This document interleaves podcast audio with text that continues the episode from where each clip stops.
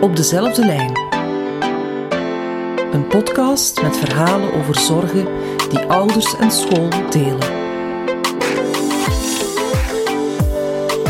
GoGo promoot de verbindende communicatie tussen ouders, school en kind. Om verbindend te kunnen samenwerken is het belangrijk om je in te leven in de ander.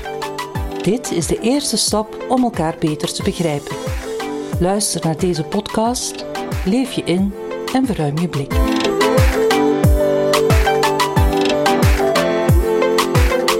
Hi, ik ben Brent, de papa van Anna. Anna zit in het vierde leerjaar van het lager onderwijs.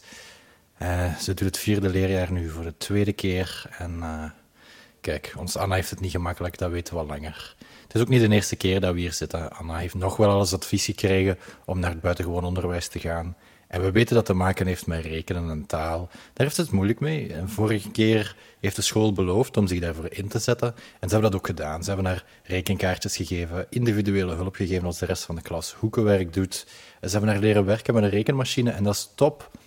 Die aanpak heeft supergoed gewerkt en wij gaan ervan uit dat ze ook op het juiste pad zit. En dan toch, weer al hoor ik dit. Anna moet best naar het buitengewoon onderwijs. Het klinkt alsof de school het opgeeft. Wat met haar vriendinnen, haar vertrouwde omgeving, krijgt ze daar wel genoeg kansen in het buitengewoon onderwijs? Ik zet mij heel wat vragen natuurlijk.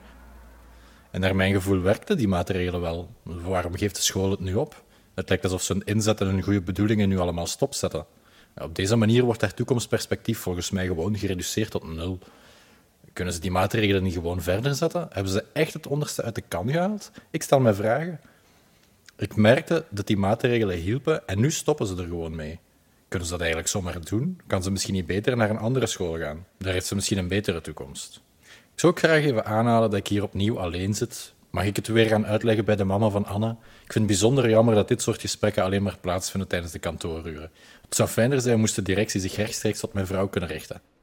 Kijk, ik laat het hier niet bij. Het gaat hier tenslotte nog altijd om een kind. Mijn kind, oké?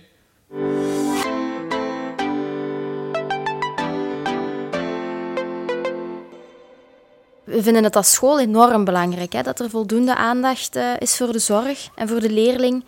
Ik doe daar ook echt alles aan om, om mijn leerkrachten en de zorgbegeleiders hierin te ondersteunen. Uh, wij werken daarom ook heel erg samen met het CLB.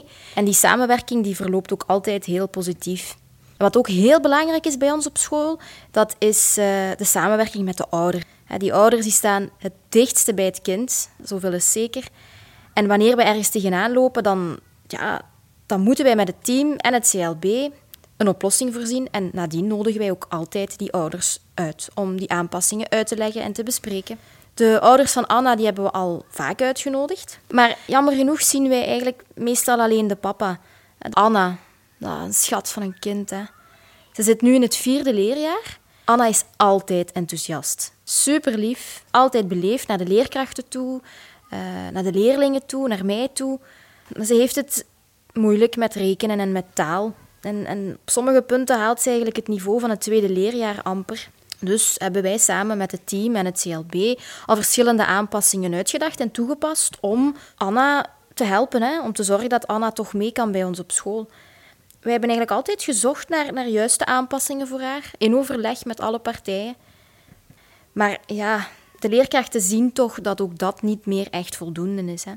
En we zien de kloof tussen Anna en haar klasgenootjes eigenlijk echt wel toenemen. Het is heel moeilijk voor Anna om te zien dat daar jongere kinderen zijn die haar lijken voorbij te steken.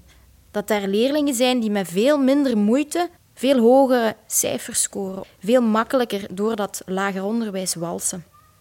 En Anna ziet dat, hè. zij voelt dat en dat zorgt voor stress. Ze heeft ook een jaar geleden een, verslag buitengewoon onderwijs gekregen. Maar samen met de ouders hebben wij toen toch beslist om nog meer maatregelen uit te werken en om te proberen om haar gewoon bij ons te houden in het, in het gewoon onderwijs. Dit jaar hebben we daar ook opnieuw over getwijfeld, maar wij denken dat het nu echt beter is voor Anna om naar het buitengewoon onderwijs over te stappen. Omdat ze daar eigenlijk ja, misschien wat minder op de toppen van haar tenen gaat moeten lopen en bovendien is de kans ook groot dat ze daar misschien in een kleinere groep en met een meer specifieke aanpak verder raakt dan hier. En dat is uiteindelijk toch het belangrijkste. Daarom was ik ook een klein beetje verwonderd van de reactie van, van de papa van Anna. uh, na ons laatste gesprek, was hij eigenlijk boos op onze school. We hebben superveel voor dat kind gedaan en, en het leek echt alsof de papa dat allemaal niet zag. Hij stelde alles in vraag. Doen we wel ons best? Willen we Anna misschien gewoon kwijt? Dat is echt vreselijk om te horen, hè? Ze zouden eigenlijk de stappen moeten zetten om te gaan kijken in zo'n school.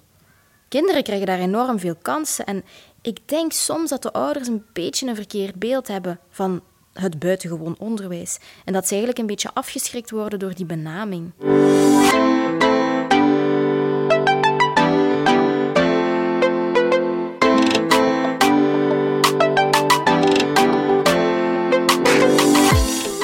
Uitdaging aan om op zoek te gaan naar wat ieder nodig heeft. Laat je inspireren om in je eigen situaties aan de slag te gaan. Luister ook naar mijn verhaal op kogo.be. Dit was een podcast van Kogo, de koepel van ouderverenigingen van het officieel gesubsidieerd onderwijs.